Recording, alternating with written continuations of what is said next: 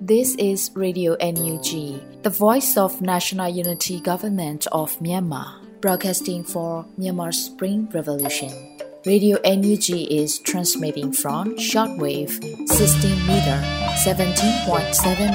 MHz at 8:30 a.m. and 25 meter 11.94 MHz at 8:30 p.m. Myanmar Standard Time.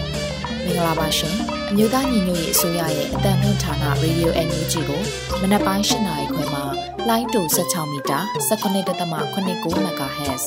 ညပိုင်း၈နာရီခွဲမှာလိုင်းတူ25မီတာ17.6 MHz တို့မှာဓာတ်ရိုက်ဖမ်းယူနိုင်စေနိုင်ပါရှင်။မင်္ဂလာအပေါင်းနဲ့ပြည့်စုံကြပါစေ။အခုချိန်ကစပြီး Radio NUG အစီအစဉ်လေးကိုဓာတ်ရိုက်အတန်လွှင့်ပေးနေပါပြီရှင်။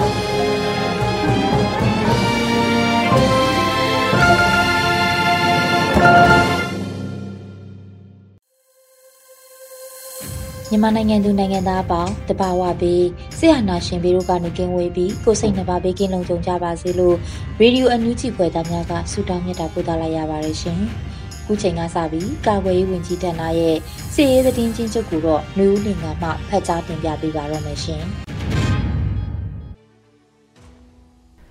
ကာကွယ်ဝင်ကြီးဌာနအမျိုးသားညီညွတ်ရေးဆိုရမှာ 18ရက်ဇွန်လ2022ခုနှစ်ထုတ်ဝေတဲ့စစ်ရေးသတင်းချင်းချုပ်ကိုတင်ဆက်ပေးတော့မှာဖြစ်ပါတယ်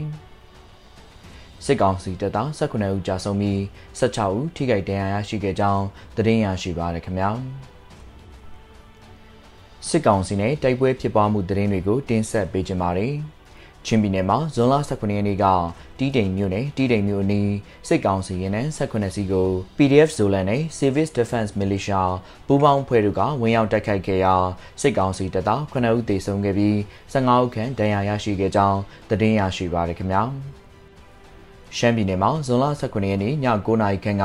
ဖဲခုံမြို့နယ်ဖဲခုံရှိဘက်ချမ်းရှိလက်ဟဲကြီးရွာနယ်လွယ်မကူးတောင်စစ်ကောင်စီစခန်းကိုပြည်သူ့ကာကွယ်တပ်မတော်ဖဲခုံ PDF တရင်နှင့်တက်ခွဲတီ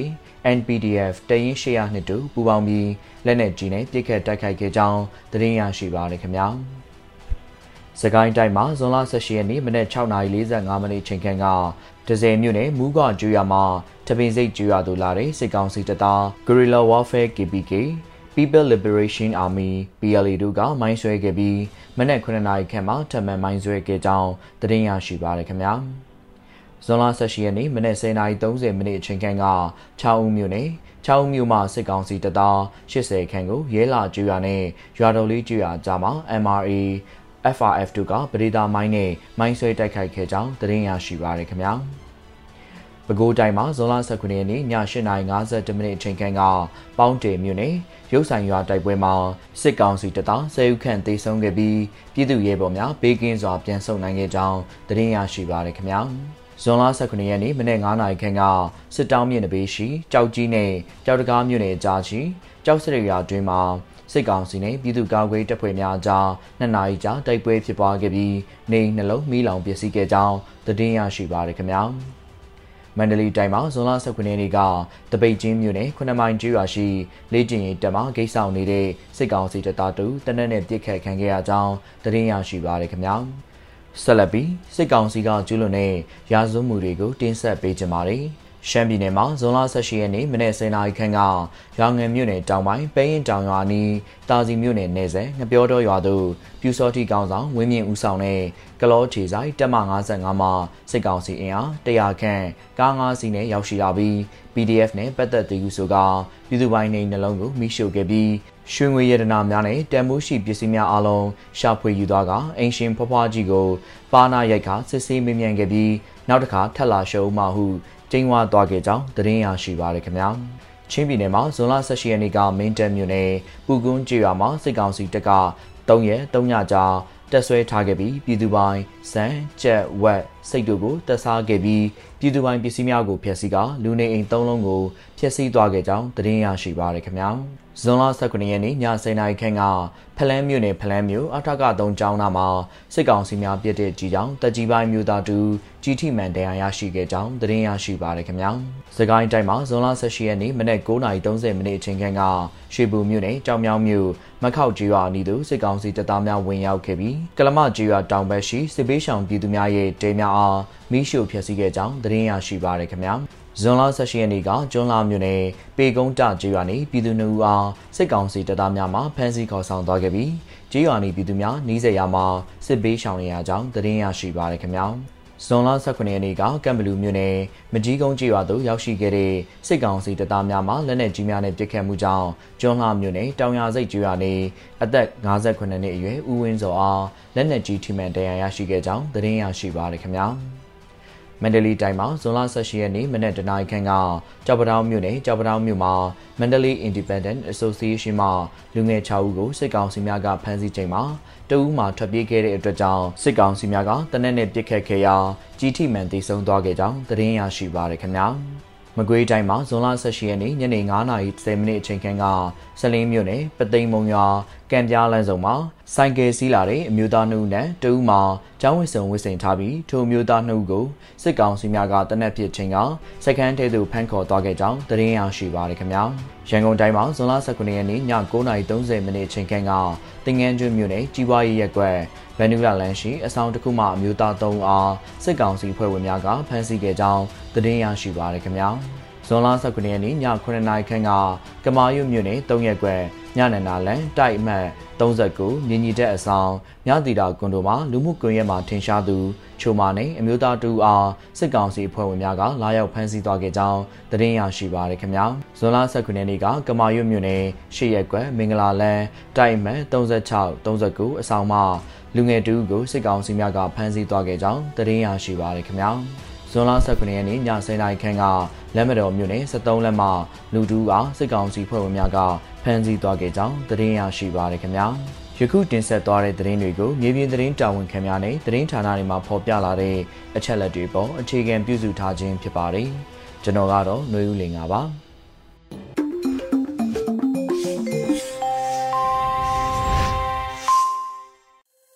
ရေဒီယိုအန်ယူဂျီမှဆက်လက်တင်ပြနေပါတယ်။ အခုတခါနောက်ဆုံးရသတင်းများကိုຫນွေဦးနှင်းစီမှဖတ်ကြားတင်ပြပေးပါမယ်ရှင်။အခုချိန်ကစပြီးရေဒီယိုအန်ယူဂျီရဲ့မနက်ပိုင်းသတင်းများကိုတင်ဆက်ပေးပါတော့မယ်။ဒီသတင်းများကိုရေဒီယိုအန်ယူဂျီသတင်းတောင်ဝန်ခံများနဲ့ခိုင်လုံသောမိဖက်သတင်းအရင်းမြစ်များစီကအခြေခံတင်ပြထားခြင်းဖြစ်ပါတယ်ရှင်။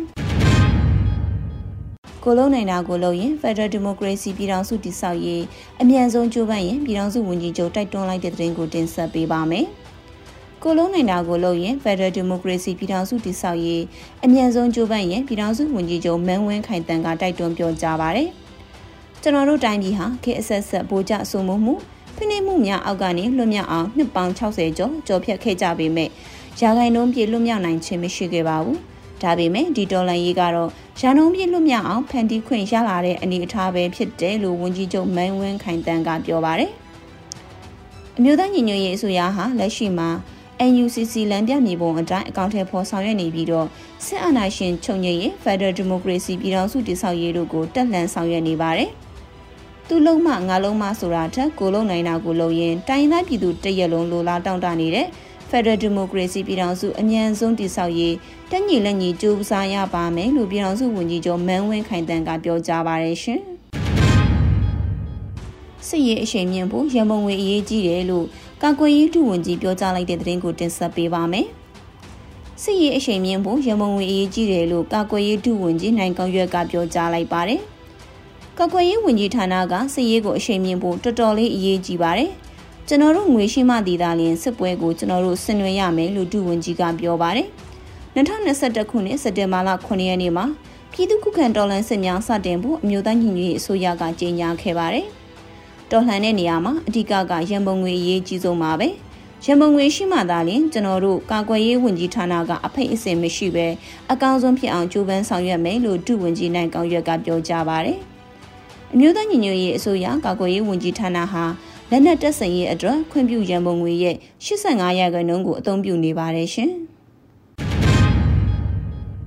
စစကိုင်းတိုင်းရင်းမပင်မြို့နယ်မှာအယူဂျီပညာရေးဝန်ကြီးဌာနကအာကစားစုပေးပွဲနဲ့ ပညာရေးဆွေးနွေးပွဲတော်ကိုကျင်းပခဲ့တဲ့တဲ့ရင်ကိုတင်ဆက်ပေးပါမယ်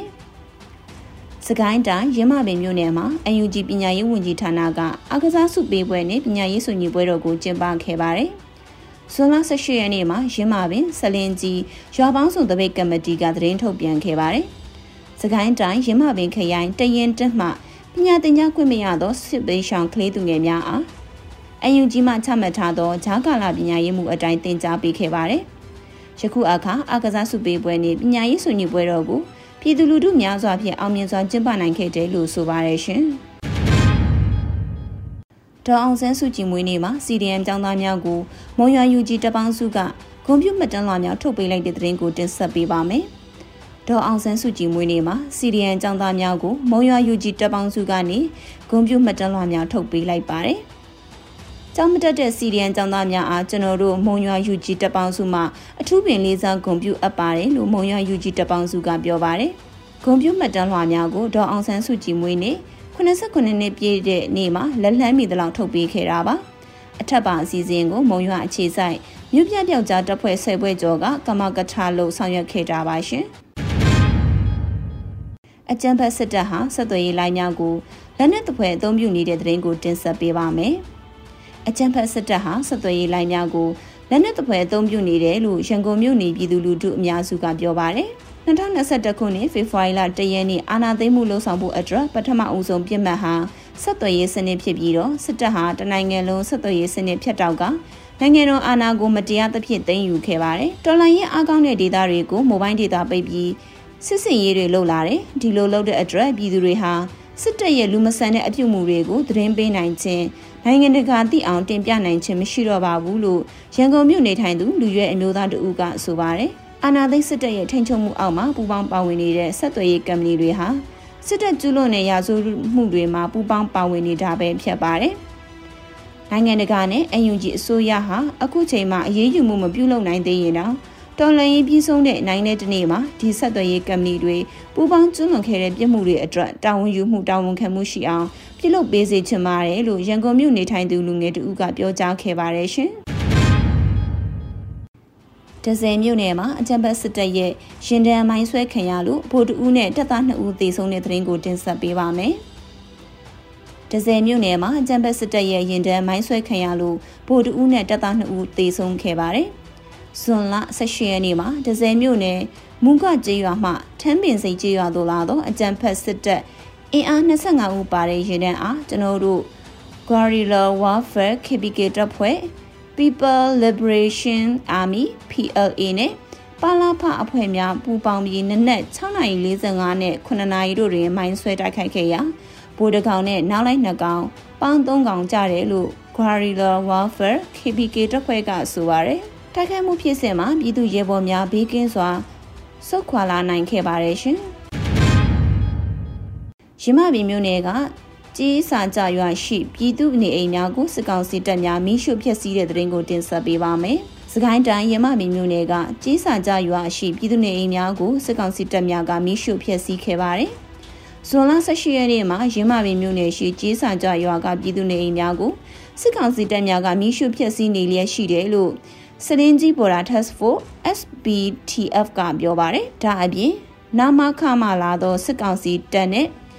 28တရင်မှရဲအင်အား90ကျော်တို့ဟာဇွန်လ16ရက်နေ့နနက်ပိုင်းမှစ၍ရင်းမပင်အရှိချမ်းနှင့်စလင်ကြီးမြောက်ချမ်းရှိကျေးရွာများကိုစစ်ကြောင်းထိုးဝင်ရောက်လာသဖြင့်ပြည်သူလူထုအများအပြားထွက်ပြေးတိမ်းရှောင်နေရပါတယ်။ကျေးရွာများအတွင်ဝင်ရောက်ကမွေနောက်ဖြက်စီး၍ကျေးရွာသားများကိုလည်းဖမ်းဆီးထားတယ်လို့ဆိုပါတယ်ရှင်။ကျမကတော့ຫນွေဦးနှင်းစီပါရှင်။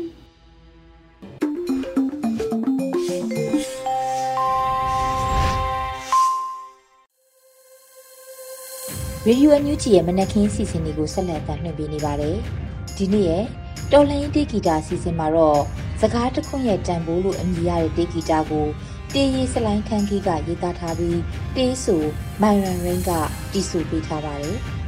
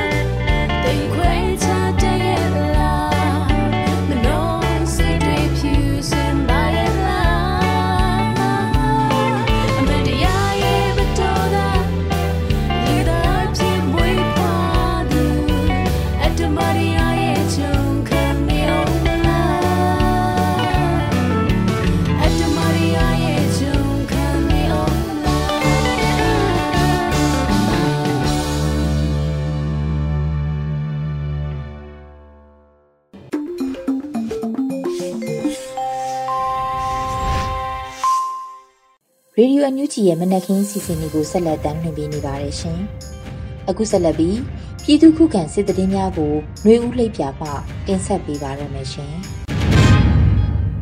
ပထမဆုံးအနေနဲ့မြဝတီကော့ဂရိတ်အာရှလန်ဘေးရှိစစ်ကောင်စီ၏ကျွန်းပင်ခုံးစခန်းကို KNL ပူပေါင်းချက်တစ်နဲ့စစ်ကြောင်းကဝင်ပြေရာစစ်သား2ဦးသေဆုံးပြီး KNL ပူပေါင်းတပ်မှတအူးကြဆုံးတဲ့တွင်တင်ဆက်ပါမယ်။ကရင်ပြည်နယ်မြဝတီကော့ဂရိတ်အာရှလန်မကြီးပေးရှိအကြမ်းဖက်စစ်ကောင်စီတပ်၏ကျွမင်ကုန်းကင်စခန်းကိုဇွန်လ15ရက်နနက်6နာရီတွင် KNL ပူးပေါင်းတပ်ဖွဲ့စစ်တပ်နဲ့စစ်ကြောင်းကဝင်ရောက်ပစ်ခတ်ရာစစ်သား2ဦးသေဆုံးပြီး3ဦးဒဏ်ရာရကြောင်း KNL ပူးပေါင်းတပ်ဖွဲ့မှတဦးကြဆုံးကြောင်းစစ်တပ်နဲ့စစ်ကြောင်းကသတင်းထုတ်ပြန်ပါတယ်။ တိုက်ပွဲသည်တနအီခန့်အပြန်အလှန်ပစ်ခတ်မှုဖြစ်ပွားခဲ့ပြီး KNL ပူပေါင်းတပ်ဖွဲ့ဘက်မှဆရာကြီးအောင်ဘူးကြဆုံးခဲ့ကြောင်းဆရာကြီးအောင်ဘူး၏ဆွလွတ်အနစ်နာခံမှုများအတွက်ကျသစ်နဲ့စစ်ကြောင်းကအလွန်မင်းဝမ်းနေကြောင်းသတင်းထုတ်ပြန်ထားပါတယ်ရှင်။ဆက်လက်ပြီးကံကောတွင်စစ်ကောင်စီတပ်ဖွဲ့ကို PDF ကံကောကနှစ်ချိန်မိုင်းခွဲပစ်ခတ်တိုက်ခိုက်ပြီးစစ်သား3ဦးသေဆုံးပြီး9ဦးဒဏ်ရာရတဲ့တဲ့ရင်ဆက်လက်တင်ဆက်ပါမယ်။ မကွေးတိုင်းကံကောမြို့နယ်ကံရွာနဲ့သဆွဲထားသောအကြံဖက်စစ်ကောင်စီတပ်ဖွဲ့ကို PDF ကံကောကစွန်လ18ရက်နေ့နဲ့18ရက်တွင်နှစ်ကြိမ်ပြစ်ခတ်မိုင်းခွဲတိုက်ခိုက်ရာစစ်ကောင်စီဘက်မှ3ဦးသေဆုံးပြီး9ဦးဒဏ်ရာရကြောင်း PDF ကံကောကသတင်းထုတ်ပြန်ပါတယ်။အဆိုပါစစ်ကောင်စီတပ်ဖွဲ့သည် ဇွန်လ14ရက်နေ့မှစတင်ကကံရွာတွင်တဆွဲပြီးအပြစ်မဲ့ပြည်သူများကိုဖမ်းဆီးခြင်းနေအိမ်များကိုမိရှို့ဖျက်ဆီးပြီးအိမ်မွေးတိရစ္ဆာန်များကိုတပ်ဖြတ်စားတောက်နေကြောင်းဇွန်လ18ရက်နေ့တွင်လက်နက်ကြီးဖြင့်နှစ်ကြိမ်တိုက်ခိုက်ရာစစ်သား3ဦးပြင်းထန်စွာဒဏ်ရာရကြောင်းသိရှိရပါသည်။ ယမန်နေ့ဇွန်လ18ရက်နေ့တွင် PDF ဂန်ကောကရှေ့ထွက်ပြောင်းနှင့်ပဒေသားမိုင်းတို့ဖြင့်ထပ်မံတိုက်ခိုက်ခဲ့ရာစစ်သား3ဦးသေဆုံးပြီး2ဦးပြင်းထန်ဒဏ်ရာရရှိခဲ့ကြောင်းတိုက်ခိုက်မှုနှစ်ကြိမ်တွင်စစ်ကောင်စီဘက်မှပြန်လည်ပစ်ခတ်တော်လဲ PDF များထိခိုက်မှုမရှိဘဲဆုတ်ခွာနိုင်ကြောင်း PDF ဂန်ကောကထုတ်ပြန်ထားပါသည်။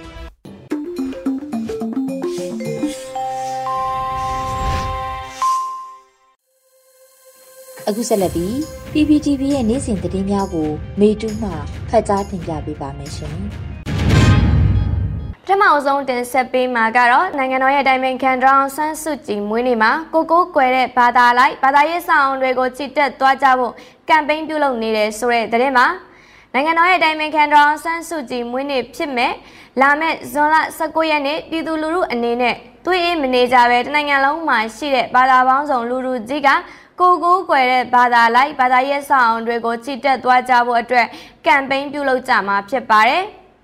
ကမ်ပိန်းဥဆောင်သူတွေကရုံမာကောင်းကျစ်တဲ့အာနာရှင်ကျန်းဖက်စစ်အုပ်စုကိုလာမယ့်19ရက်နေ့တောင်ဆန်းစုကြည်မွေးနေ့မှာအာနာရှင်ကိုတော်လှန်နေကြတဲ့လူလူအပေါင်းရဲ့သွေးအေးမနေဘူးသွေးကွဲမနေဘူးသွေးကြောင်မနေဘူးဆိုတာထက်မှန်ပြသလိုက်ကြရအောင်ပါ။ ဇွန်လ19ရက်နေ့တနင်္ဂနွေနေ့မှာနိုင်ငံလုံးကဘာသာပေါင်းစုံလူလူကြီးဟာကိုကိုွယ်ယုံကြည်တဲ့ဘာသာလိုက်ဘာသာရေးအစအုံများဖျားများစီကိုချစ်တက်ကြပါလို့တောင်းဆိုထားကြပါတယ်။အဲ့လိုကိုးကွယ်ယုံကြည်ကြတဲ့ဘာသာလိုက်ဘာသာရေးစာအုံတွေစီကိုတောင်းဆန်းစုကြည်နဲ့တကွနိုင်ငံရေးကျင်းသားများအတွက်တည်တံချမှတ်ခံရတဲ့ရဲဘော်တွေအတွက်ယခုအချိန်ထိဗတ်ပေါင်းဆောင်ကနေတိုက်ပွဲဝင်နေကြတဲ့ရဲဘော်အပေါင်းတို့အတွက်ဆူတောင်းပေးကြဖို့တိုက်တွန်းထားပါတယ်။ အဲ့လိုကိုမြို့ကိုရွာမှာရှိတဲ့တကိုးကြီးဖះတွေဖះเจ้าတွေဗလီတွေအဆရှိသလိုဝိပြုစုတောင်းရာတွေစီကိုသွားပြီးအထက်မှာဖော်ပြခဲ့တဲ့သူတွေနဲ့တသားလေးရှိနေတယ်ဆိုတာပြသကြဖို့ငါတို့မှာငါတို့ပဲရှိတယ်ဆိုတာကိုပြသဖို့တောင်းဆိုထားကြတာပါ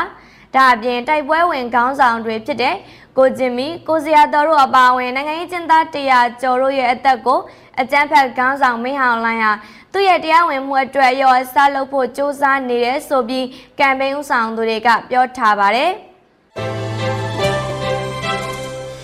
ဆက်လက်တင်ဆက်ပေးမှာကတော့ဂံကောမြို့နယ်မှာ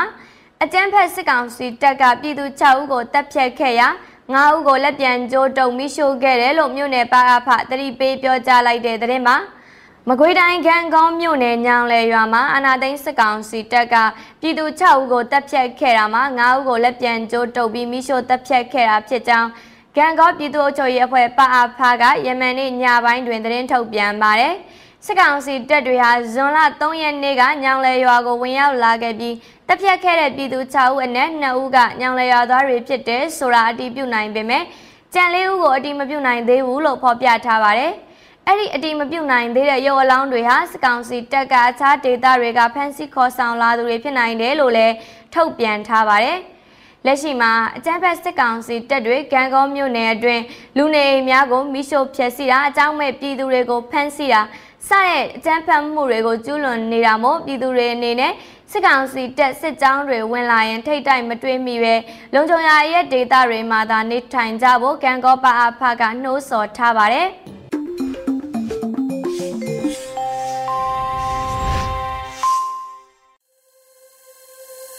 အခုဆက်လက်ပြီးနားဆင်ကြရမှာကတော့တိုင်းရင်းသားဘာသာစကားဖြင့်သတင်းထုတ်လွှင့်မှုအနေနဲ့ချိုးချင်းဘာသာစကားခွဲတစ်ခုဖြစ်တဲ့မွန်ဘာသာဖြင့်သတင်းထုတ်လွှင့်မှုကိုနားဆင်ကြရတော့မှာဖြစ်ပါတယ်။ဒီစီစဉ်ကို Radio NUG နဲ့ချိုးချင်းဘာသာသတင်းထုတ်လွှင့်မှုဖွဲ့တို့က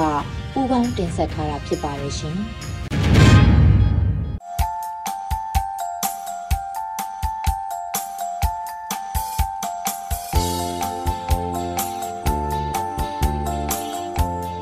ချိုရီဒိုမိငိုင်ကနပပနာရီယိုနမရိုင်နိုအထုငိုင်ခုကုမ်ဖရမ်ကူလမ်ကူလီရီဂျမ်မူချာရှလေကိုဟုမ်ငထူ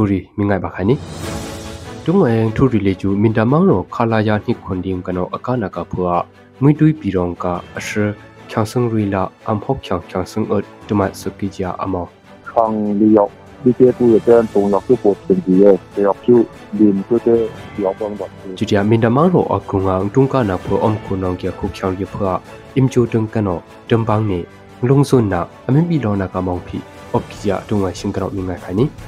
chu dia shui ong da bi ro op ki ya angri sui kong si ru le chu YDF thi lin tung kano aka na op ki chia mo chu dia adu shkum dan sha ruk then na ko po shi kia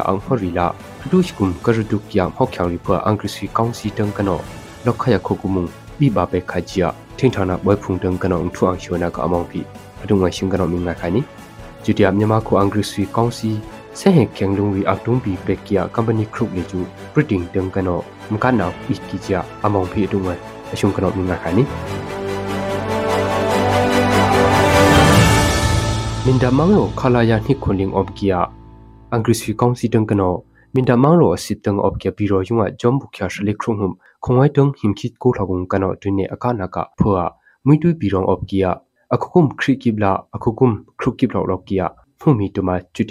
ထုံကိဘလောက်လောက်ကီယာဖုန်မီတမအဝန်ချန်ဆုထုံအစနာအော့ကီချီယာမင်တမန်ရောမောင်ရောဦးနကအမ်ဘုံတန်ကနောပရစ်ကိနီအကျွနာမောင်ယောင်ပါစီပီရောချောင်တမနောပရင်နောက်လီကျူဟိုနာဆေမနထဘုံကဒီဂျွာယုတ်တေတာမတာဒိုဘီကေကူရတဲ့ဝန်နမောခန်းလီယောဒီကေကူရတဲ့တုံ လောက်ပို့တင်ဒီရဲ့ပေယောက်ကျူဒီမတူတဲ့ယောဘန်ဘတ်ဟိုမရမောတူဝါအခုံထုံတိဟောလောက်ကွာအိဘောချဟမ်ဖူဒီနေဒီတောင်းနေတဲ့ခရီးတော့ကမိစစ်ကူဆိုဘဟိုမီတာစစ်ကူအပါခွန်စေတူချူတူဘအတန်ကမိတုံရကောတုံကနာသူမဟိုမီတူတဲ့ထောက်ဆဲဟောငါဟာစန်တူမောင်တီတူတုံမတဲ့တဲ့ကူဖူလေကြတဲ့တည်းတဲ့ငါမီတူကမင်းတီမကျူတျာမူတီပီရောအကရုံလေးကျူပီရော pirong of kia im tu phi phi adina of gi ja ngami no prit kwini min da mang ro khala ya ni khun li angri sui tang kan le ju athom se pi ro yung a bun ne akana oma mu ya ajuna akana ka pho le ju ashir ang ba ri la am ho khyang ri am sina dum pi kini min da mang ro akrungang tung kana pho om khunong kia khu khyang ri pho bun ne khobong ro kia min da kyu ang bum international min da kyu organization im jo dang kana jamu khya shale ko atu ngoi khaina ka ngui ri pom sin ne bina okni nyama khukrung la a hi khong om kya min da khuri tang kano du khai kiya khuk khyang rian atanga duina om gi chi mong la ngam ya phwa ngai na ka ngui ri ra vai phwa bi kya ki chi ya ajunung ka ruina prit kwini mogoi khunu la khyo khu aning la shyang da bi rong op kiya angri si kong si ri le chu ong bi rong sang ri ik ong na ka khori mrukha riya milo na kung YDF thilin dang kano jamu kya shalik khru khongai danga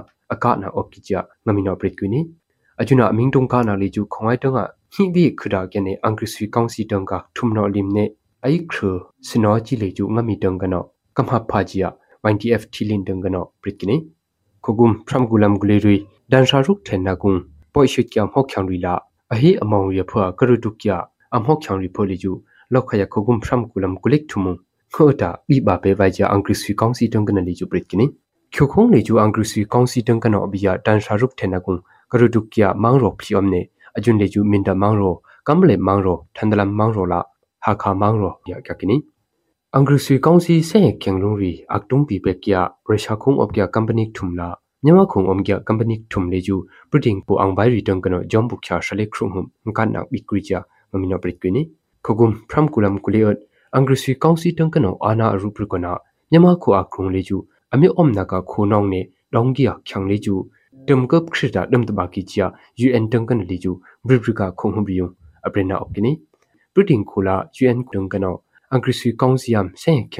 ျာကမ်ပနီထုမ်လာမြန်မာခုံအုံကျာကမ်ပနီထုမ်လေကျူပရတင်ပူအင်ဘိုင်ရီတန်ကနောဂျုံဘုခ ्या ရှလေခရုံဟုံကန်နာဘီကရီချာမမီနောပရိကွီနီခုဂုံဖရမ်ကူလမ်ကူလေအတ်အင်္ဂရိစီကောင်စီတန်ကနောအာနာအရူပရကနာမြန်မာခုအခုံလေကျူအမေအုံနာကခိုနောင်း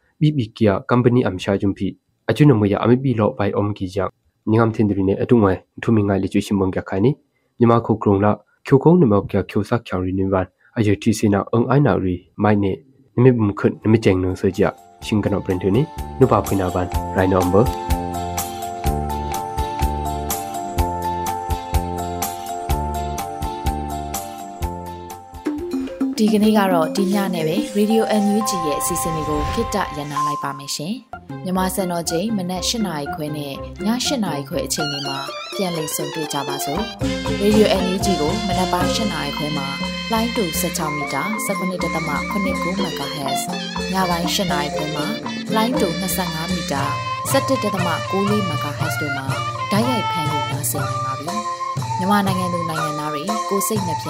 ကျန်းမာချမ်းသာလို့ဘေးကင်းလုံခြုံကြပါစေလို့ Radio NUG အဖွဲ့သူဖွဲ့သားတွေကဆုတောင်းမြတ်တာပို့တာလိုက်ရပါတယ်ရှင်။အမျိုးသားညီညွတ်ရေးအစိုးရရဲ့စက်သွေးရေးသတင်းအချက်အလက်နဲ့လူပညာဝန်ကြီးဌာနကထုတ်လွှင့်နေတဲ့ Radio NUG ဖြစ်ပါတယ်။ San Francisco Bay Area အခြေစိုက်မြန်မာမိသားစုတွေနဲ့နိုင်ငံတကာကစေတနာရှင်လို့အားပေးနေတဲ့ Radio NUG ဖြစ်ပါတယ်။အရေးတော်ပုံအောင်ရမည်